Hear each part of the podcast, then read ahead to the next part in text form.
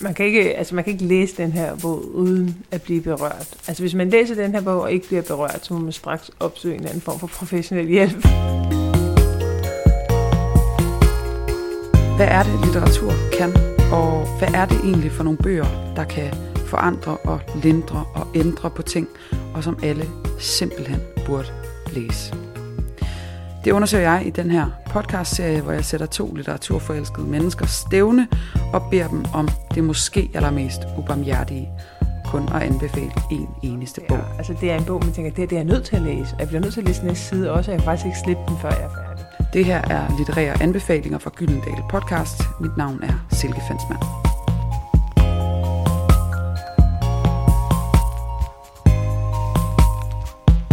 I den her episode, der kan du blandt andet møde en litteraturkritiker, forfatter, journalist, studievært og alt muligt andet, som jeg tog ud for at besøge i Danmarks Radio.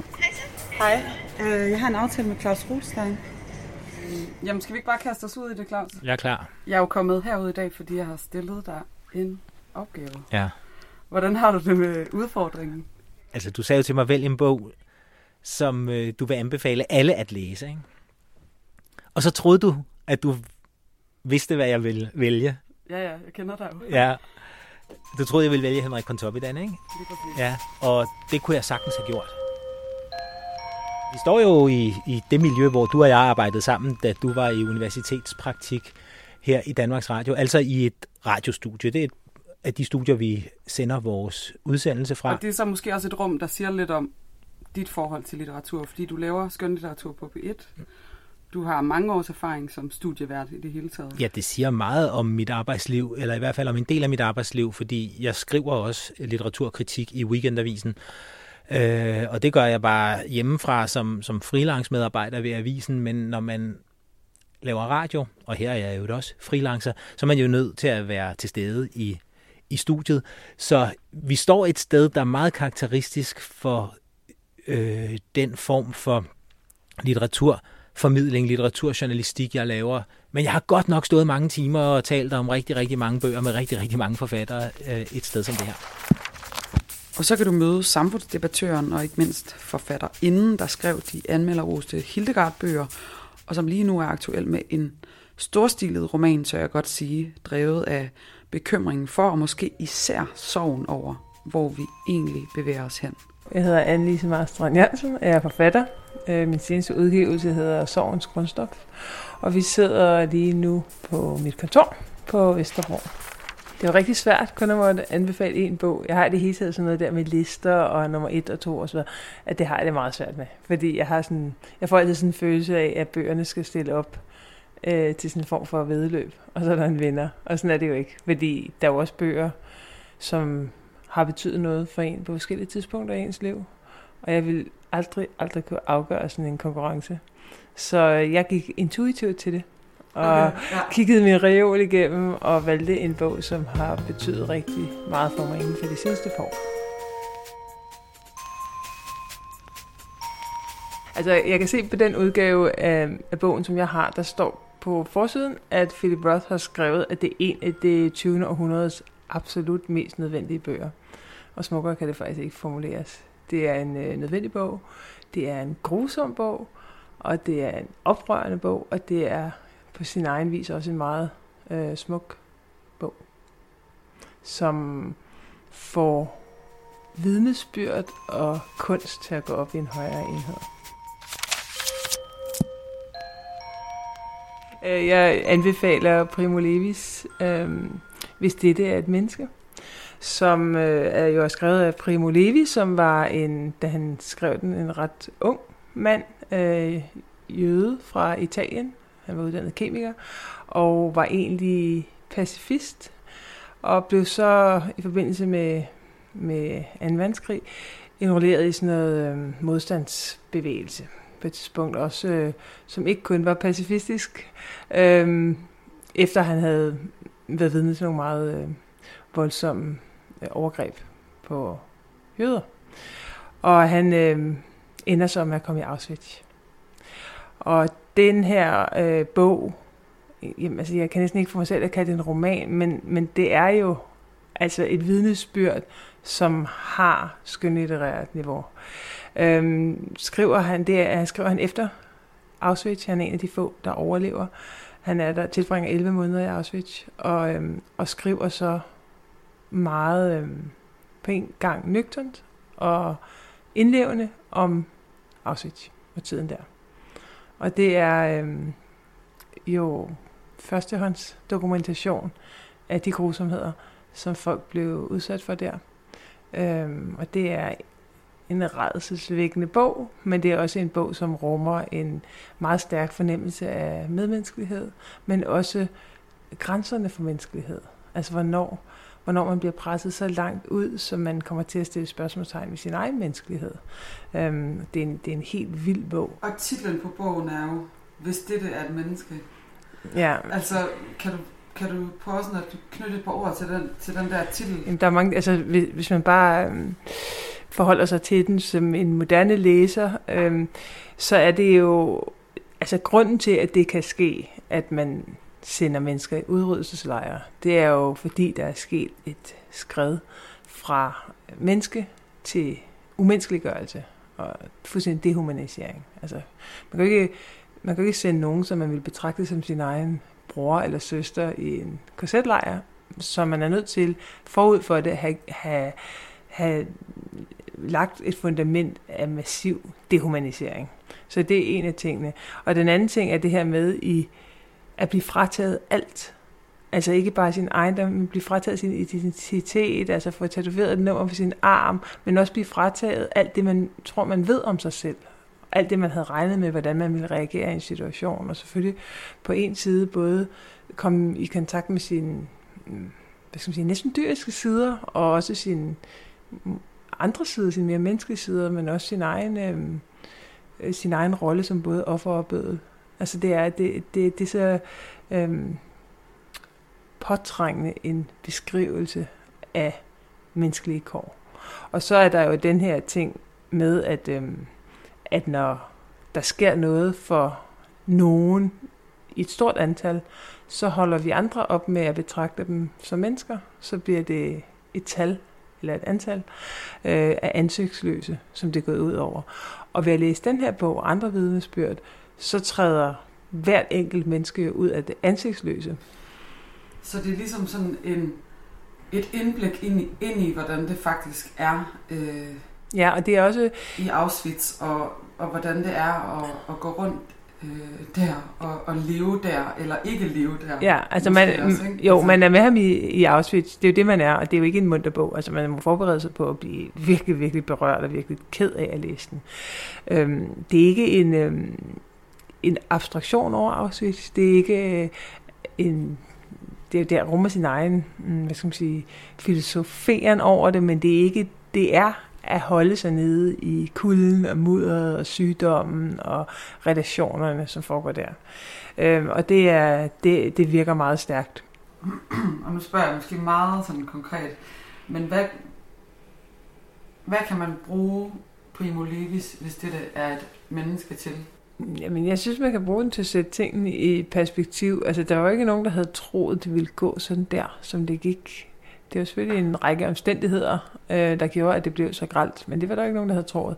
Og jeg synes, at i virkeligheden, det man kan bruge den til, altså udover at det faktisk også er en smuk bog på sin egen måde, øh, så ligger sandheden jo i det, som han selv har sagt, at når det kunne ske, kan det ske igen. Så der, der er jo også en form for advarsel i det. Det er ikke fordi, jeg mener, at vi står over for et, øh, et holocaust øh, lige her i vores del af verden lige nu. Men det er jo en påmindelse, og det er jo en advarsel og det, er jo, det, kan, det må jo mane til en anden form for eftertænksomhed. Og vi kan jo godt alle sammen sige, at vi ved godt, at ondskab findes. Jeg har ikke lyst til at beskæftige mig med ondskab, men nogle gange er vi jo nødt til at gøre det. Og så kan man sige, at, at læse en roman, som man trods alt kan sætte ind i reolen igen, og som handler om noget, som har fundet sted. Det er jo også en kontrolleret eksponering for ondskab. Altså, øh, hvis man gerne vil se den i rå mængder, så kan man jo bare tænde på sit fjernsyn og læse nyheder på nettet. Øh, det findes jo stadigvæk. Så, så det er jo også en, en eller anden form for øh, ved, ved at sætte sig ned og læse den her roman, altså selve læsningen af, har jo også en intimitet og en eftertænksomhed over sig, som, øhm, som gør, at man måske kan tage det til sig på en anden måde, end ved bare hele tiden at være i strømmen af dårlige nyheder. Når du tænker ligesom, tilbage på at læse den her bog, altså et eller andet bestemt sted i romanen, eller i, det her vidnesbyrd, som, øh, som ramte dig sådan særligt? Altså, der er mange ting. Altså, man kan sige, det rammer på forskellige niveauer. Der er jo også bare sådan den der øh, trøstesløshed, der, der er tidspunkt, hvor de går rundt i øh, kulde og sne og ved at sejne under det hårde arbejde. Øhm, og så er der også i øh, barakkerne, det, det, det allersidst, hvor, hvor folk er syge og døende og sådan noget. Den der mærkelige blanding mellem at være bevidst om, at måtte tænke på sig selv, og samtidig have en, en eller anden form for omsorg for andre, men også være nødt til at lukke for den. Det giver stort indtryk på mig. Jeg, jeg kan ikke huske, om det er Primo Levi, der ligesom er den første til ligesom at introducere, introducere det der begreb om de levende lig, eller muselmanden. Ja. Øhm, altså det her sådan nærmest bare hylster af en krop på en eller anden ja. måde, der vandrer ja. rundt øh, ja. med, så, med så lidt øh, jo, og man får også... Øh, menneskelighed tilbage, eller så, så jo. lidt... Øh, og man får også sådan en, en, en meget... Altså det er jo sådan meget... Øh, der er meget sådan krop i bogen på en eller anden måde, altså og meget... Øh, øh, altså krops, fysisk undergang, kropslig undergang. Øhm, og, og det er som om, at fra at være et menneske med store tanker, med en uddannelse, med drømme for fremtiden, så skal der hele tiden en reduktion, og man med mindre og mindre og mindre og mindre bliver til sidst fængslet i sin egen lidende krop.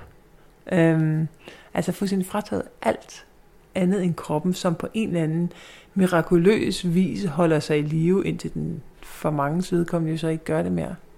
Øhm, og det kan så også rumme en eller anden form for befrielse. Men der var hele den der, jeg tænker sådan, mange flygtninge, jeg ved ikke, som, ja. har, som har den der reduktion. Altså det er jo ikke, fordi de er ved at blive slået ihjel, men at blive reduceret til en status. Altså en flygtning. Du er en flygtning. Og der, jeg kender mange unge flygtninge, som virkelig kæmper med det, og bare rigtig gerne vil fri af den der øh, status som flygtning, og bare vil have lov til at være menneske igen. Jeg har en god ven, som siger, jeg er ikke jeg er ikke længere flygtning, jeg er bare øh, verdensborger, eller jeg er bare et menneske i verden.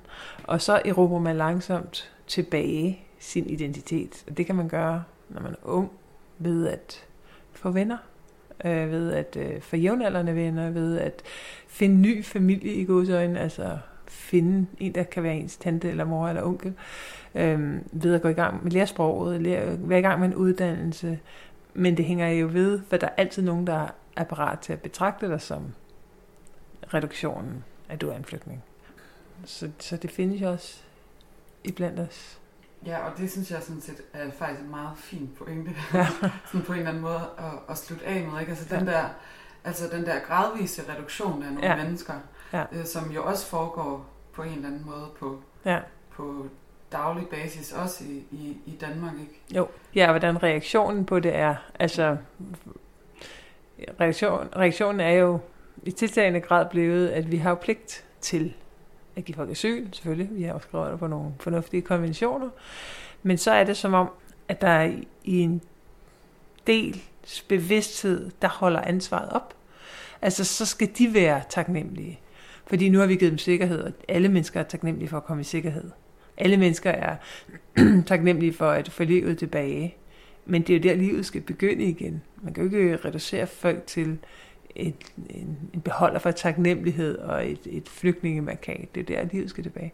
Og det er jo der, alle mennesker også har brug for bare at blive mødt med ligeværd og respekt, og ikke blive bundet sammen som gruppe. Det starter jo et eller andet sted, også med den der sprogliggørelse, som du siger, altså som bliver forplantet i vores ja. bevidsthed måske.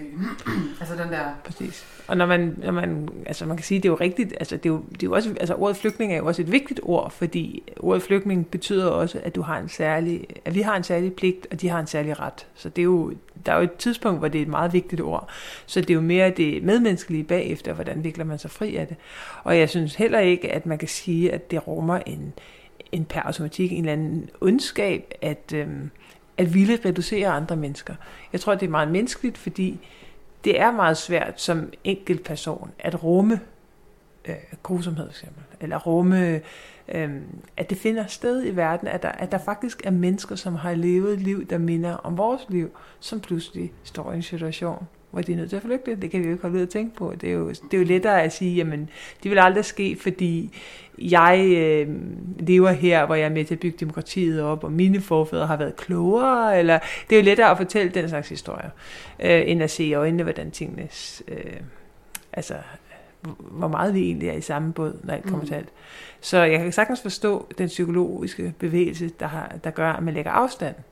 Problemet er bare, at det, som er normal psykologi for et individ, øh, som jo gerne så også skal leve side om side med en anden form for empati, og det gør det jo hos de fleste mennesker, når der naboen pludselig er flygtning, så ligger det faktisk de fleste mennesker øh, nært at gå ind og sige goddag, eller velkommen, eller hjælpe med et eller andet. Øh, men det, for, der, hvor det bliver problematisk, det er jo, når det bliver på politisk niveau, når det bliver en del af en værdikamp, hvor, fordi der har man ikke, øh, der, der kan man ikke tillade sig at, øh, at lægge den afstand.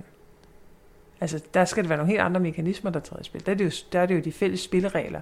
Og de fælles spilleregler skal, øh, synes jeg, bygge på respekt og værdighed, og at man taler ordentligt om andre mennesker, og man ikke reducerer unødigt. Øh, og når det skrider, så er der, så er der meget, øh, der går i selvsving.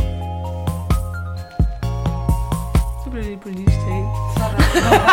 det er altid godt, ikke? Endelig der. Igen. Super godt. Hej Claus. Mit forhold til litteratur er meget lidenskabeligt, øh, voldsom læseglæde, voldsom meget udbytte af at læse litteratur, men hele tiden med en bagtanke om, hvad jeg skal bruge det til. Hvordan jeg skal omsætte det i samtaleform, eller hvordan jeg skal forholde mig til det som litteraturkritik, eller noget, der svarer til det.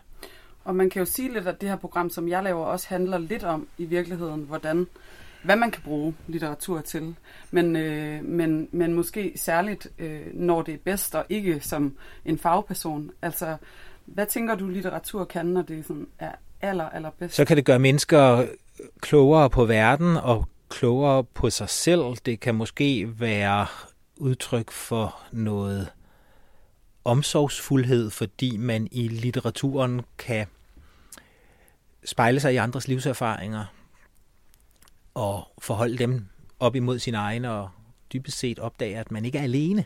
Så jeg kan slet ikke forestille mig, at man kan leve uden læsning, men jeg ved godt, at der er folk, der gør det. Men øhm, jeg ved sgu ikke rigtigt, hvordan de bærer sig ad med at, med at lade være med at læse. Jeg har valgt den roman, som jeg har valgt, fordi den er et stykke eksemplarisk, samfundskritisk, engageret, virkelighedsnært litteratur, der gør det, som god gamle Georg Brandes krævede af litteraturen, at den skulle sætte problemer under debat.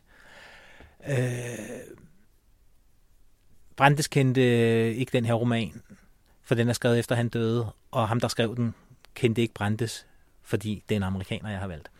Men, øh, men bogen er bare et eksemplarisk udtryk for den samfundsengagerede forfatter, der kan diagnostisere sine samtidsproblemer, analysere dem og fortælle dem i skønlitterær form med en et helt suverænt overblik over øh, litterær stil og måden at fortælle på.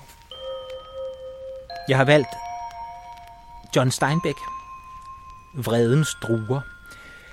Vredens druer er en ualmindelig god og vigtig roman som altid har betydet meget for mig, og som jeg gerne vil anbefale, at man læser nu, fordi den, selvom den er skrevet i 30'erne, har meget bud til vores nutid.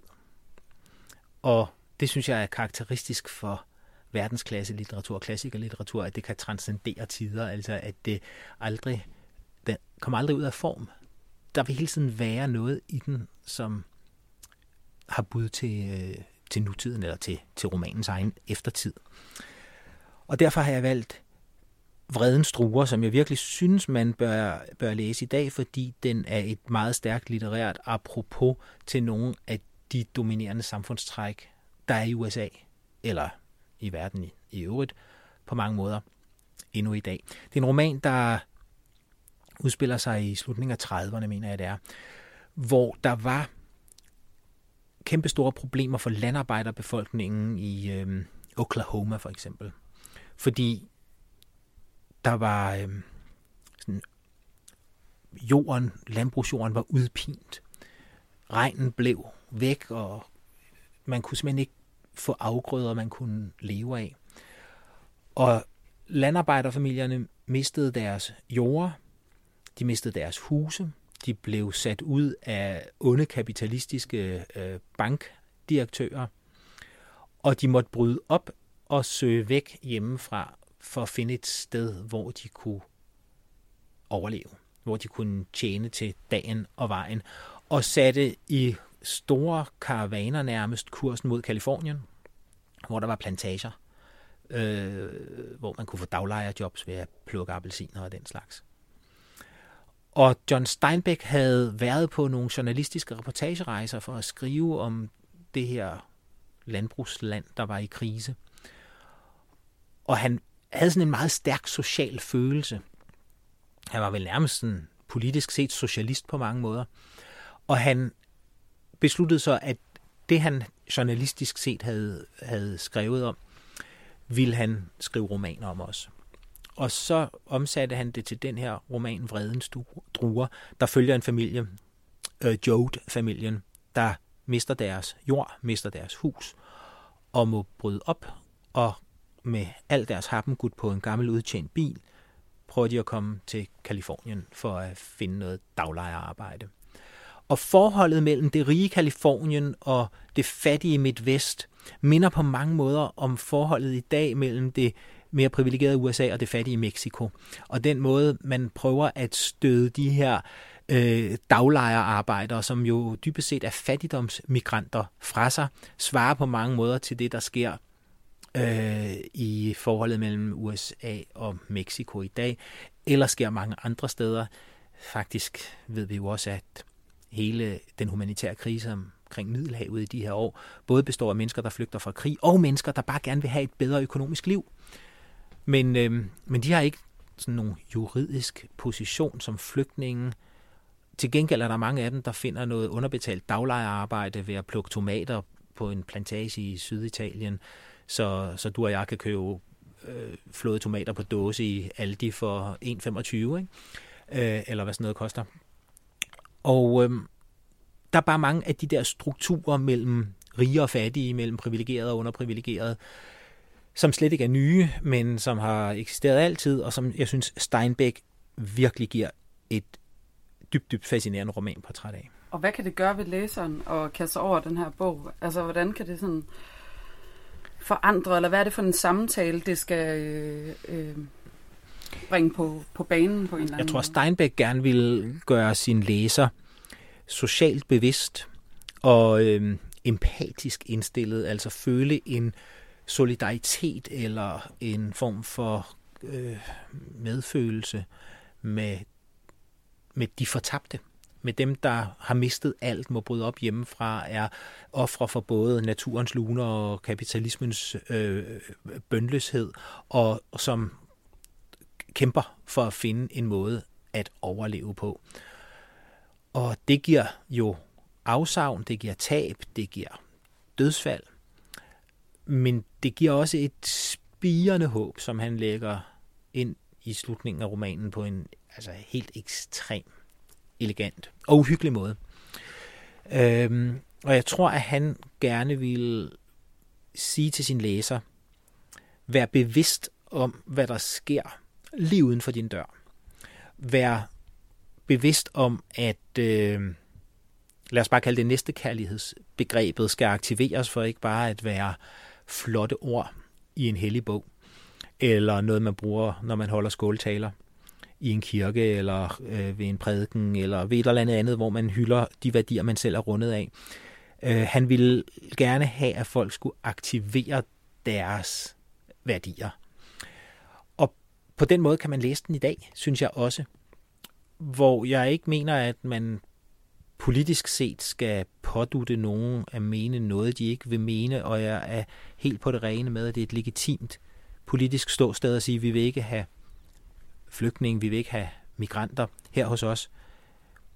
Men man skal bare huske, at selvom nogen juridisk set ikke har ikke er omfattet af konventioner eller noget i den retning, og man derfor med god ret kan sige, I må ikke være her, betyder det ikke, at deres ønske om at forbedre deres eget liv er mindre legitimt, og at vi selv, hvis vi var i deres situation, ville handle ligesom de gør. Altså krydse de grænser, vi ikke må krydse, øh, prøve at komme derhen, hvor folk ellers ikke vil have os, fordi det er der, der er en overlevelsesmulighed. Og så længe man kan spejle sine egne mulige handlinger, hvis man var i den der ulykkelige situation, i andre menneskers, og her i romanpersonernes, og sige, jeg ville sgu nok gøre det samme, så kan man jo ikke bortdømme dem som feje eller amoralske eller noget, men må bare konstatere, at de er mennesker, der er ramt af dårlig skæbne, og øh, at vi selv ville handle på samme måde, hvis vi var i deres sted. Det synes jeg er litteraturens helt ekstreme øh, evne til at gå andre steder hen, end den politiske debat kan være. Netop gennem historiefortælling at give os nogle øh, muligheder for at føle sympati med mennesker, som er vores egne kontraster. Claus, hvad betyder den her bog for dit liv? Altså, du siger, at den har haft en stor betydning. Ja, den, den betyder meget, fordi den litterært set har vist mig, hvad et romanforfattermesterskab kan gå ud på. Og også på den mere, hvad skal vi sige, øh, værdimæssige side, når det handler om humanisme, øh, empati og tolerance, er den forbilledelig i sine skildringer af, af menneskers situation. Det, der er altså vanvittigt godt ved den litterært, og som man kan undervise stilistisk i, hvordan en romanforfatter kan bringe øh, symbolkraft ind i sin roman, det er, at øh, der i romanens første mange sider dukker en, en lille skildpadde op, der vandrer gennem støvet. Øh, og den, den kæmper op ad en lille bakke, og den vælter og ligger der på rygskjoldet osv. Og på et tidspunkt indser man, at skildpadden der går mod vest, selvfølgelig er et symbol for familien, der kæmper den samme kamp med ørkenstøvet og op ad bakken og øh, så videre så videre for at, at komme mod vest. Så litterært set er der bare nogle, nogle greb, noget, øh, noget narrativt håndværk, hvor John Steinbeck er, er helt, helt vildt dygtig jeg ved ikke, om du har fået det sagt, men nu har du selv øh, skrevet, er det syv bøger eller sådan noget? Ja, en, Udover seks-syv bøger? Ja, otte-ti bøger tror jeg nok. Det er der, vi har været. ja. øhm, er du også inspireret af Steinbeck i din måde at skrive på? Altså, jeg skriver ikke fiktion, mm. øh, så i den forstand er jeg ikke inspireret af Steinbeck som romanforfatter, og øh, jeg skriver øh, jo, jo mildest talt i en anden liga, end han befandt sig i. Mm. Men jeg mener, at alle, der gerne vil skrive, har en måde at lære at skrive godt på, og det er ved at læse mestrene. Og øh, så ikke prøve at kopiere dem, det vil der aldrig komme noget godt ud af. Men bare stole på, at når man tanker sig selv op med god læsning, øger man chancen for, at øh, det på en eller anden måde omskabes i ens øh, omgang med sproget til også at blive god skrivning, når man sidder og skriver sine egne ting. Så der er for mig ingen tvivl om, at skrivning og læsning hænger snævert sammen, og at man kan lære helt vanvittigt meget af at læse de, de bedste forfattere. Øhm, og jeg vil, jeg vil mene, at hvis man er romanforfatter, hvad jeg jo ikke er, men hvis man er romanforfatter og læser en roman som den her af John Steinbeck, så vil man, så vil man lette på hatten og sige, øh, han har saft sus med styr på både det narrative, på personkarakteristikker, på øh, replikker og på at lave øh, stil- og temposkift. Jeg synes, at det er altså på alle måder forbilledeligt at have så stort et samfundsengagement og så stor tilgang til sprogets kraft og kilder, som øh, John Steinbeck har. Man kan lære enormt meget bare af at læse ham. Tak fordi du lyttede med på litterære anbefalinger fra Gyldendal podcast med Annelise Marstrand Jørgensen og Claus Rothstein. Hvis du kunne lide, hvad du hørte, så må du meget gerne gå ind og rate os i iTunes, hvor du også kan finde nye episoder. Podcasten den var produceret, mixet og tilrettelagt af mig. Jeg hedder Silke Fensmann. Musikken er lavet af Peter Christian Sejersbøl, og i podcastredaktionen er også Thomas Broge Stark og Sigurd Hartkorn Pletner. På genlyt. Det er jo helt vildt, at jeg øh, for første gang øh, interviewer Claus Rothstein. jeg har været.